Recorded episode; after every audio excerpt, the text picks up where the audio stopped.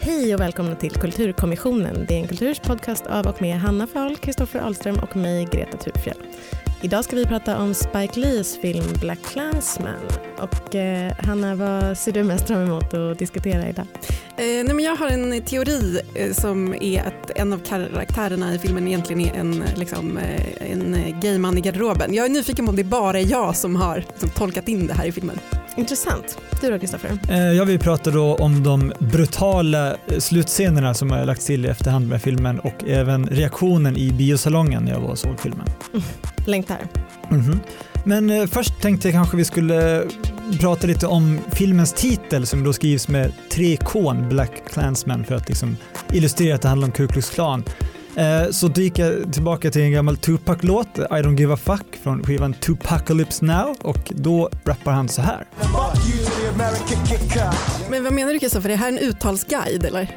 Nej, alltså det är kanske ingenting vi måste förhålla oss till. Uh, Ice Cube gjorde en skiva 1990 som hette America's Most Wanted där han stavade med 3K och då uttalades det bara Americas. Så att vi säger Black Clansman för liksom konsonantenkelhetens skull. Vi går på det uttalet i den här podden. Eh, jag vill också säga att denna vecka, liksom alla veckor, kommer vi att spoila hela filmen och vi vill inte höra något gnäll om den saken.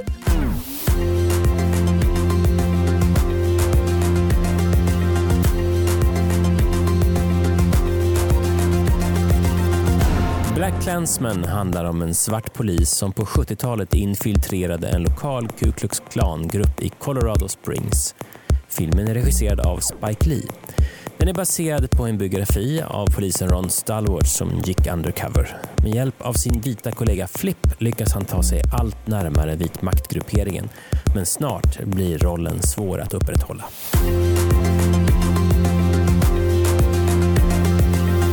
Vår eh, sura nitiska vana trogen så måste vi, tycker jag, börja med att prata om att hela plotten bygger på ett gigantiskt plotthål. ja, det kan man säga. Eh, och det är det här nämligen att, att eh, polisen Ron Stallworth faktiskt inte är den som infiltrerar Ku Klux Klan på riktigt. Det är ju nämligen hans, hans vita judiska kollega Flip som gör, som går dit och är med på möten och spelar rollen som, John, nej, som Ron Stallworth. Och, och det jag inte förstår och det som, man sitter, som jag åtminstone satt och irriterade mig en smula på var varför de måste vara två. Varför inte bara de snabbt lämnar över allting till Flip. För att det inte är det här allt jobbiga med att de har olika röster, att det är olika med det och det, namnen, boendena. Jag, jag, jag, fattar ingenting. Nej, det blir ju väldigt komplicerat för att de då låter Ron Stallworth fortsätta att prata i telefon med Ku Klux Klan medan då Flip ska gå dit och gå på möten och det är hela scener de ska liksom lära sig imitera varandras röster. Det är så otroligt onödigt komplicerat. Fatt, man fattar ju verkligen inte riktigt varför det är så men jag antar att man ska ta för givet att han etablerat sin telefonröst i det där första samtalet och sen, nej, men, men jag håller med, det är helt ja, och det, I vilket fall så måste man ändå förhålla sig till verkligheten där det faktiskt var så här. D där, absolut, där absolut, hade en vit stand-in som kom på klanmötena. Ja, jag önskar bara att någon någon gång hade liksom väckt frågan, men är det inte bättre att Flipp gör alltihop? Jag men tänk dramaturgin, det. det blir ett klassiskt farsögonblick, spring i dörrar, förväxlingar. ja, men jag tycker också att det är, liksom, det är ju kul och eh, jag säger inte nej heller till att eh, Flipp, underbara Flipp spelad av Adam Driver är med i filmen. Eh, men, men det är ändå, det är ändå det är någonting. Ja, men jag håller med om att det är en logisk lucka. Men jag tror kanske man också ska liksom tänka att det är Ron som är hjärnan bakom operationen och att Flip på något sätt bara får vara hans liksom förlängda arm. Absolut. Och det förstärker ju liksom, ja men det gör ju att Ron blir hjälten i filmen på ett helt annat sätt. Ja, men han är ju hjälten i filmen och han ja. är ju hjärnan bakom operationen. Liksom, så det, det, och det var han som skrev boken som ligger till grund för filmen. Det var inte Flip Zimmermans version. Nej men jag tänkte att vi skulle prata lite grann om, om eh, boken då. Den är ju baserad på, på en bok som heter Black Clansman och som är skriven av verklighetens Ron Stallworth och det verkar ju på väldigt många sätt som att boken och filmen är förvånansvärt lika. Om än i en något dramatiserad Spike Lee-ifierad version. Ja, ingen av oss har ju läst eh, boken men eh, om man läser liksom, intervjuer och sådär med Ron Stallworth så är det ju förvånansvärt många av de här ganska absurda detaljerna som faktiskt verkar ha skett på riktigt. Om han kan ju ha dramatiserat lite i boken också förstås.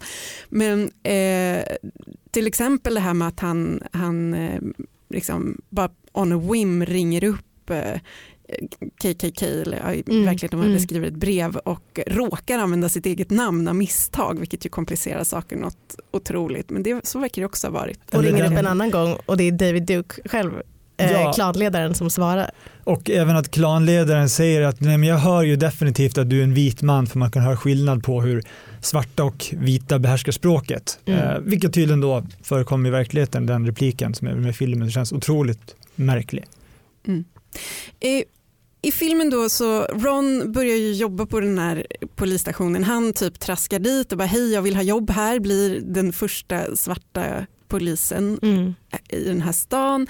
Och eh, Flip blir ju hans förtrogna då så småningom på något mm. sätt. V vad tycker ni liksom om relationen mellan Ron och Flip och mellan Ron och de andra poliserna? Jag tycker att det intressanta med Ron och Flip och deras relation är att Eh, Flip är ju då jude. Eh, det skulle även kunna komma en film som heter Jewish Klansman som berättar hans version. Eh, men det är intressant tycker jag för att filmen handlar väldigt mycket om Rons uppvaknande. Eh, liksom att bli medvetandegjord om liksom sin svarta kultur, sin svarta historia. Eh, och samtidigt säger Flip då när han tvingas gå undercover och lyssna på den antisemitiska smörjan att jag har aldrig tänkt på mig själv som en jude förut men nu liksom när jag konfronteras med det hela tiden så, så, så tänker jag på ett helt annat sätt. Mm. Så det tycker jag är väldigt intressant, deras liksom parallella resor in i den här medvetenheten om sitt eget ursprung. Ja men så är det ju absolut. Flips eh, medvetandegörande känner man, det hade, ja, men det hade nästan kunnat vara en egen, helt egen film för det är ju verkligen lite, lite av en bihistoria mm. i sammanhanget även om mm. det leder till en del dråpliga scener när KKK försöker tvinga honom att dra ner brallorna och visa om han är omskuren eller inte. Um, men um, Ja, men, men liksom Rons förhållande till de andra poliserna på stationen då? det är också väldigt, det är väldigt olika sinsemellan. Det är ju mycket poliser. Alltså det är, ibland är det, det, det, det är inte få medverkande i den här filmen, det kan man inte säga. Men, men det som är framförallt intressant där är ju hur, hur, eller tyckte jag, hur pass subtilt de liksom motarbetar honom. Att det, att det känns som en så här, idag pratar man ju när man pratar om rasism pratar man också om, om mikroaggressioner. Så här, att det är liksom små, små, små nålstick som, som liksom växer och växer tills det, känns, tills det blir en, en stor grej av det på något sätt. Men det är lite så som det är att han liksom bara, de bara subtilt, kanske inte idag, men kanske med, de, med den tidens mått mätt försöker underminera honom och motarbeta honom i, i det tysta på något sätt. Och framförallt den här polisen då som, som um, tar fast och antastar um, Black Panther-ledaren och uh, Patrice. Som sedermera blir Rons flickvän också. För han möter ju då Patrice um, när Ron får sitt första undercover-jobb, han har alltid drömt om att typ jobba undercover. Och, väldigt rart. Han får sitt första undercover-jobb och de skickar ut honom på ett eh, möte eh, med liksom den svarta studentföreningen i stan och där möter han liksom ledaren då. Han går raka vägen fram till Patrice eh, och snackar upp henne. Mm. Kan man säga. Och sen, så, och sen så börjar de ses ju egentligen.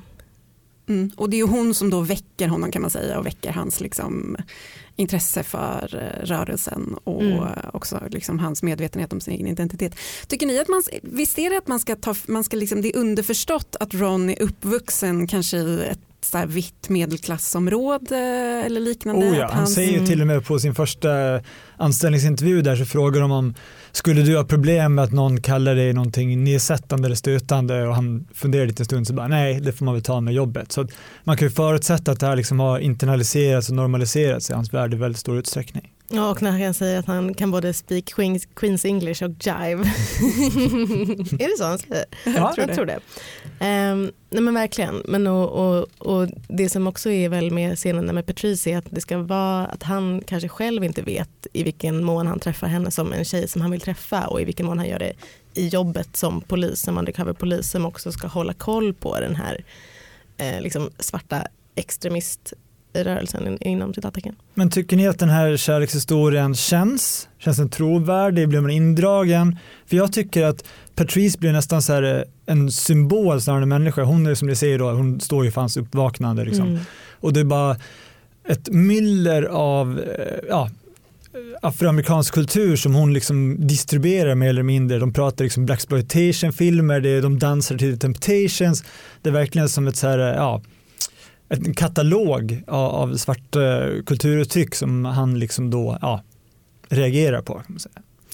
Ja, jag kände väl, jag kan inte säga att, att liksom deras relation kändes så tom att jag reagerade på att den skulle vara tom, men den är ju heller ingenting man är särskilt engagerad i filmen. Det är ju inte det som är Liksom, det är inte det filmen vill berätta på något sätt och jag håller med om att hon verkligen får bli mer av liksom en symbolfigur än en riktig människa. Man får ju nästan inte veta någonting om henne utom liksom, hennes enga politiska engagemang.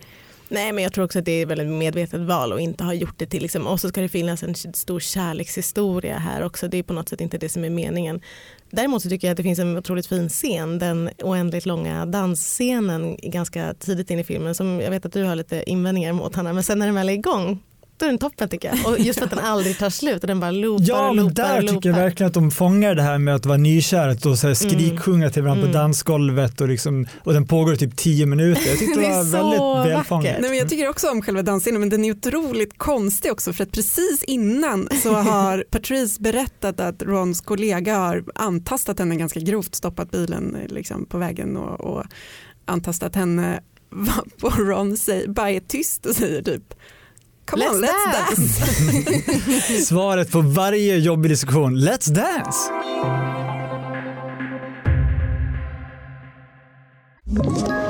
Ett poddtips från Podplay. I podden Något Kaiko garanterar östgötarna Brutti och jag, Davva, dig en stor dos skratt. Där följer jag pladask för köttätandet igen. Man är lite som en jävla vampyr. Man har fått lite blodsmak och då måste man ha mer. Udda spaningar, fängslande anekdoter och en och annan arg rant. Jag måste ha mitt kaffe på morgonen för annars är jag ingen trevlig människa. Då är du ingen trevlig människa, punkt. Något Kaiko, hör du på Podplay. Därför är gardinerna. Och så kommer vi till nästa spår som jag skulle vilja handlade om eh, skildringarna av Black Power och White Power, två fraser som förekommer flitigt i filmen kan man väl säga. Hur tycker ni att de två eh, grupperna, alltså Ku Klux Klan och Black Power, medborgarrättsrörelsen, skildras i filmen Hur, i, i motsats till varandra eller i, i liksom förhållande till varandra? Mm, ja, Spike Lee har ju verkligen valt att liksom sätta dem som två motpoler på nästan så övertydliga sätt. Eh, det är ju till exempel en scen där liksom korsklipper eh, skanderandet av black power, black power, black power och samtidigt då white power, Mm, white power, mm, white power. mm. Så det, det är ju verkligen nästan övertydligt att han liksom lägger dem bredvid varandra men de är ju otroligt liksom, olika skildrade rent så här hur ska man säga, filmiskt nästan. Alltså de här möt- scenerna på Black Power-mötena är ju så otroligt varmt klippta Mm. liksom. Mm. och det är också någon sekvens där man eh, liksom glider mellan olika som svarta ansikten Ja. som är otroligt liksom varmt och liksom vackert eh, filmade medan eh, Ku Klux Klan sekvenserna är ju eh, naturalistiskt liksom fula på ett helt annat sätt. Ja, verkligen. Det där, om vi nu ska prata om övertydligheten i filmen, för den är ju inte subtil eh, och det är väl Spike Lee inte direkt känd för heller. Men just den här scenen då där Stokely Carmichael är, ja, som kastar ju bort sitt slavnamn och går under Kwame Ture. När han pratar på studentföreningen så pratar de liksom om hur vit kultur har definierat vad skönhet är och att liksom, man pratar aldrig om hur vackra svarta ansikten är med breda näsor och stora läppar och så zoomar liksom kameran in på massa svarta ansikten som liksom verkligen så här är deras ögon öppnas och de ser på sig själva med en ny blick. Det kändes väldigt så här, ja, övertid. Väldigt viktigt såklart och liksom en Och väldigt modernt. Det känns som väldigt mycket av en del av diskursen idag också när man fortfarande pratar om de här frågorna. Att det är precis samma saker som, som återkommer idag. Mm. Jo precis och kameran får ju ta liksom en så här väldigt så här varm och generös blick liksom, Mm, på de här ansiktena som den ju inte har på Nej, och nu ska vi inte bli alldeles för whataboutistiska här men det är verkligen skildringen av klanmedlemmarna är ju en majoritet, liksom, det är ju inavlade hicks mer eller mindre som ja, lågutbildade, lågavlönade, mm, in, ja, ser mer eller mindre inavlade Ja, ut. nej, men Fast jag håller inte Och- riktigt med Kristoffer. För det, jag tycker snarare, alltså den är ju väldigt schablonartad liksom den här gruppen Ku Klux Klan-medlemmar men det är inte bara Hicks och liksom lågbegåvade människor utan vi har ju också de här, liksom, det är två så här lite skuggfigurer som, som ju senare framkommer är liksom hö- högt uppsatta inom någon sorts underrättelsetjänst. Mm, mm. Och vi har någon så här medelklassfigur och någon som är intelligent och någon som är dum. Alltså den känns ju schablonmässig men snarare som ett så här representativt Representativ urval av nazister. Ja, typ. att, att det liksom spänner från idioterna till Mm. liksom de som de sluga. Ja, men visst, för han som är ledare för den lokala Ku Klux Klan-gruppen som, som han eh, infiltrerar, eh, Walter Breachway, han är, ju, han är ju på något sätt den mest så här, välartade, väluppfostrade om man nu kan säga så om honom. Han är ju, han, han är ju också den som försöker tona ner de här andra mer råbarkade typerna, han som kallar sig för Ivanhoe och, och även Felix. Eh, liksom vi försöker stilla deras mer aggressiva liksom, eh, Mm. Och, nazism. och eh, David Duke skildras ju som liksom väldigt eh, hyfsat liksom slug och liksom medveten om sin liksom, plats i samhället och med, med höga ambitioner om, Mm. om vem man vill bli. När man har sett hela filmen så finns det ju liksom ingen, ingen eh, tvekan om att Spike Lee tar avstånd från Ku Klux Klan men, men han sa i någon intervju också om, om eh, just hur han, för att han har ju fått kritik då för det här med att man väljer att göra en film där en polis är den som är god när det finns så mycket problem med, med polisbrutalitet och polisvåld och polismord eh, i USA. Men, mm, men då har han sagt just att så här, nej men jag tycker inte, jag kommer, ni kommer aldrig få höra mig säga att alla poliser är onda eller att det inte finns poliser som jobbar för en god sak inom polisväsendet. Liksom. Så att på det sättet det är det inte heller som att han är helt självklart på Black Panthernas sida. Nej, nej, precis. Han är absolut inte på Ku- Klux Klans sida men han, eh, det, det är inte en helt eh, liksom, onyanserad bild ändå. Men jag vill prata lite mer om, om just Felix som är kanske den ondaste av eh, Mm. nazisterna eller Mm. Ku Klux Klanerna och han är också den enda av dem som man får se har en familj, åtminstone en fru. Och deras relation är ju med ganska mycket i filmen. Ja. Och jag tycker den är så intressant för att hon det är hon som när allting liksom kulminerar får uppdraget att liksom placera sprängladdningen som, som är då ett attentat mot, mot ehm, Patrice. Patrice. Precis. Och, eh, så hon får ju en väldigt liksom aktiv roll i det här men sen så är det en lång scen där de ligger i sängen tillsammans också och nästan så här eh, frossar i så här, att i detalj planera liksom fruktansvärda våldsdåd Mm. mot Mm. liksom, svarta äntligen ska vi få börja döda. Och, så här. och det är pillow talk. Det är, det, det är Jo. deras mys. Jo men det är det, men samtidigt är deras relation så 100% oerotisk. Ja. Det är någon scen där han ska liksom pussa henne och det är en så här torr, äcklig, så tunna läppar, tunna Ja. torra läppar på hennes. Så jag började undra om man skulle liksom, om, man, om, det, var, om det antyddes att Felix egentligen var liksom en, en gay i garderoben. Det kanske bara var jag Jag, som... jag tänkte mer på den här scenen då när de liksom ligger och gosar på sängen och pratar om att mörda svarta, att de äntligen ska få göra det. Där tänkte jag mer liksom att kampen och deras sak har liksom ersatt, eller det kanske aldrig ens fanns någon erotisk spänning eller kärlek mellan dem, men att den här liksom, de har förenats i det här. Så att istället för att ligga och prata om, åh tänk när vi skaffar två barn och liksom hund och villa, så pratar de om att utplåna en annan etnicitet. Ja, ja, men det är inte heller en, en helt tokig tolkning. absolut. Jag vet inte om de två tolkningarna utesluter varandra. Eller? Nej, Med det sagt, för att stödja din teori, så finns ju en scen där Filip, eh, Felix misstänker att Flipp kan vara jude och liksom kräver att han ska dra ner byxorna och eh, visa huruvida han är omskuren eller inte. För att han hörde Jews do funny things med sitt könsorgan. Eh, och då anklagas han ju för att vara homosexuell, vilket är det värsta man kan vara Mm. typ i KKK. Och sitter de och spottar det på varandra sen. Är du homosexuell? Nej, Mm. du är homosexuell. Ja, nej, det är vet, Ja, ja, en fråga som inte besvaras i filmen helt enkelt. Verkligen, nej, men det är det verkligen. Absolut. Men, men på det här temat med sprängdådet, kan jag då, eh, poddens dumma bland, få säga att jag tyckte det var så otydligt att Felix dog i det här sprängdådet. För att han Blund- satt i bilen jämte bilen Blundade som sprängdes. Tittade jag bort? Nej, det, jag håller med. Jag fattade inte heller det sen, omedelbart. och sen tyckte jag att de Blundade ni också, båda? Kan vara så att vi båda blundade. Känsliga själar. Ja, det, absolut, absolut, det kan också vara därför. Eh, nej men för att det var, och sen var, sa de ju det flera gånger efteråt så till slut så gick det ju in även hos mig. Men, men, men det var någonting med den scenen, var det, ja, Nej, jag håller med att den scenen var lite konstigt klippt, eller det kanske var medvetet klippt så jag vet inte. Men det var ju verkligen inte, man fick ju inte se att de, den var väldigt ogory på något vis. Ja absolut, men Mm. det var ju en slags poetisk rättvisa för det är hans fru som ska plantera den här bomben, blir påkommen rädd, gömmer den under bilen jämte och sen ja, när de spränger och tror att bomberna är i huset spränger de över sig själva. Jag tyckte att det var ja, väldigt tydligt. mm, ja. Passar du? Du, smartast Ja. av oss alla, Kristoffer som vanligt.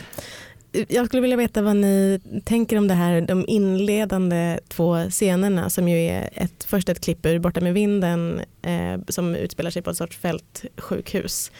Eh, eller egentligen bara ett fält där det ligger väldigt många skadade soldater.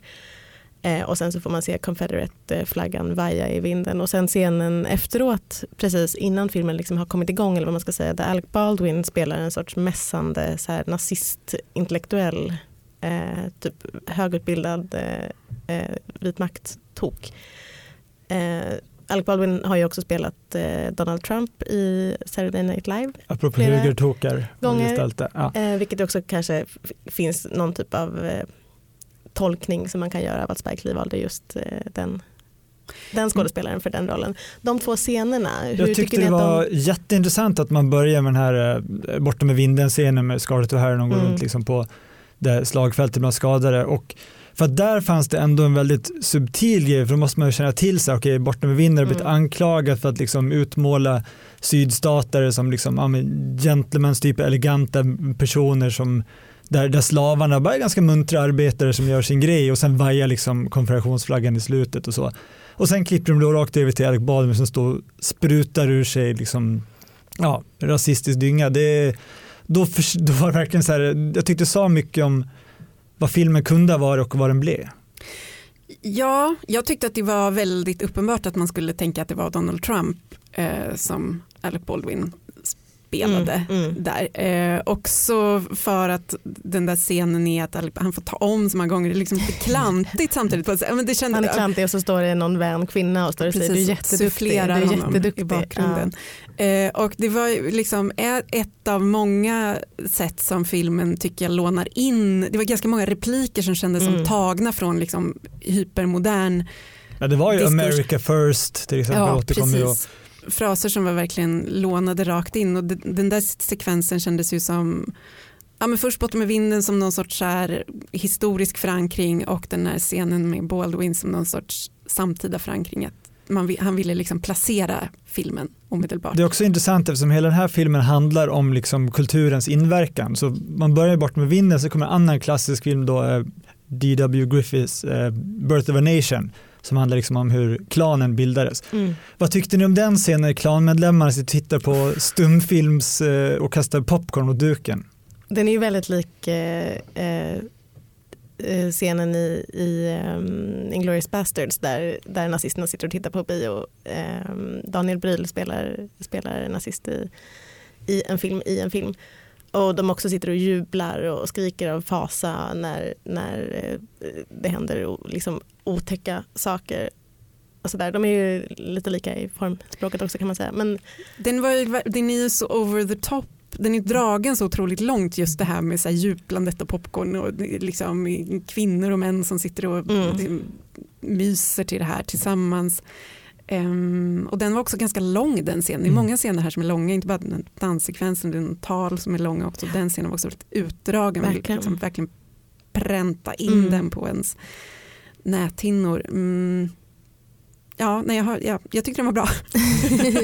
ja, nej, men det är väl det man, man kan säga om den. Även de här väldigt långa utdragna scenerna och även när det, det blir lite övertydligt så, så finns det ju ändå någonting i det som är att man förstår också varför det ska vara övertydligt eller man förstår varför man vill, varför Spike Lee vill att man verkligen ska stanna i det där, liksom den scenen som är väldigt otäck när de kollar på Birth of a Nation. Det finns någonting med det som bara är så här, nu ska, ni få, nu ska ni få sitta ner och titta på det här, det är så här det ser ut.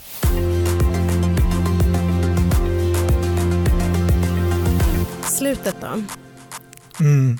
Det omtalade men också eh, oväntade slutet. Jag måste säga att när jag såg den, jag, jag hade ändå läst ganska mycket om Black Klansman tidigare men hade inte koll på att det var det som skulle ske. Jag var också helt oförberedd faktiskt. Ja. Helt oförberedd och eh, jag bölade som ett, ett liten liten baby mm. i biosalongen. Faktiskt. Ja, jag var svettig kan jag säga. Det, det är så män gråter, vi gråter genom huvudet. Nej, men det var otroligt. Och, ja, Greta, du kan Ska vi berätta säga vad, vad... Filmen slutar alltså med eh, Eh, att eh, man får se i dåtid när eh, klanen bränner ett kors till slut och sen så går det över till scener från Charlottesville-demonstrationen i USA häromåret. Eh, och det är scener från när David Duke, verklighetens David Duke eh, håller tal och det är scener från när Donald Trump säger eh, det fanns ondska och godhet på båda sidorna eh, och sen så är det scener från demonstrationerna där, där eh, samtida vitmaktanhängare och nazister eh, går och mässar blood and, soil, blood and soil. Och så finns det då den här scenen där en bil kör in i en folkmassa och eh, dödar bland annat visst, Heather Hayers. Mm. Mm. Um, Ja, nej men jag, som sagt, jag blev otroligt tagen av det här montaget i slutet och det är också för att Spike Lee liksom gör ett fejkslut först mm. där man tror att allting knyts ihop och mm. slutar lyckligt och alla får sin hämnd och liksom Patrice och Ron verkar först så här, vara lyckliga tillsammans. Det är liksom ett sånt happily ever after som sen bara ganska snabbt förvrängs in i det här dokument, den här liksom mm. dokumentärklippen. Um, och jag menar, det är klart att det är superövertydligt alltihop. Fast det uh, kanske måste vara det, ja. tänker jag, i den här skrikiga samtiden som är så övertydlig som den är. Uh, att man måste liksom skrika verkligen för att höras, för det är otroligt starka scener. Och jag såg den här på bio, det var en lördagkväll, det var dagen före valet. Och Svenska valet. Svenska riksdagsvalet. Gud, jag får gåshud bara jag tänker på det. Men då, eh, då liksom, de här scenerna utspelar sig, folk sitter helt stumma i chock efter texten börjar rulla. Och så är det någon som skriker i publiken “fuck SD” och så börjar hela salongen applådera. Det var nästan orkestrerat som det var på premiär. Liksom. Det var en väldigt eh, omvälvande upplevelse. Eh, och jag tycker också att det är viktigt att man hade med de här scenerna. Många har diskuterat bland annat då Nicolas Wenner, vår filmredaktör som tyvärr inte här kan försvara sig. Men han tycker att det blir för övertydligt att en film inte ska behöva det här. Men jag känner liksom att istället för att få den här känslan av att det här var något som hände på 70-talet, det kan vi stuva undan, så var det liksom det här starkare än någonsin här och nu. Mm. Jag tyckte också att i all sin, liksom, när man tänker på det efteråt så känner man ju så här, nej, men det är klart att det var klyschigt, det var klart att det var liksom övertydligt. Men där och då i stunden så blev jag verkligen så här, det hade verkligen den effekten på mig att det ryckte mig ur så här, Spike Lees ganska härliga ändå mm. 70-talsuniversum ja. och bara rakt in i samtiden och bara jag fick liksom fysiskt ont av det nästan på ett sätt som, alltså de där klippen har man ju sett förut massor av gånger och de har aldrig drabbat mig lika mycket som de gjorde precis liksom då. Så jag tycker att det ändå hade önsk önskad effekt.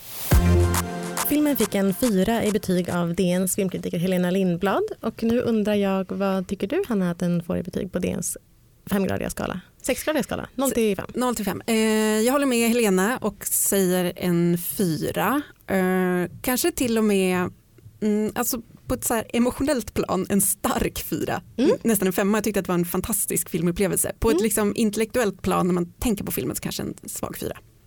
Ja, jag, jag håller med Helena, framförallt Hanna. Jag håller också med eh, Helena men framförallt Hanna. Jag eh, brukar ju vara ganska sträng och jag gick in i biografen också med inställningen att så här, ah, det blir väl okej okay som vanligt. Men sen var jag oväntat eh, drabbad av den. Klar, klar fyra. Då har det blivit dags för att högläsa ur veckans bästa meningar som jag har valt er att eh, välja ut. Jag tänkte att du kan få börja Kristoffer. Ja, eh, då skulle jag vilja eh, citera författaren Haruki Murakami som i veckan då tackar nej till sin nominering till det alternativa Nobelpriset som har instiftats av den så kallade Nya Akademin. Man har då refererat till ett tidigare uttalande han gjort vad gäller liksom litterära priser och han har sagt att nej, jag vill inte ha priser, det skulle innebära att du är färdig, det vill säga att ditt författarskap har nått sin slutpunkt. Um, Gör man dock lite grävande kring det här så har det visat sig att eh, Murakami inte alls varit nödbedd att ta emot priser varken förr eller senare vad gäller uttalandet. Bland annat tog han emot Die Welts, alltså tyska tidningens litteraturpris 2014, han tog emot H.C. Andersen-priset 2016, Frans Kafka-priset 2006 och ungefär tio andra priser och utmärkelser. Så det här uttalandet det är bara ett utslag för Murakamis hierarkiska elitism. Jag säger, nu sätter du dig på planet, du åker till Stockholm, du tar emot det här priset ur Bianca Kronlöfs hand nu. Kulturkommissionens guldspade till dig Kristoffer. otroligt gräv, otroligt gräv.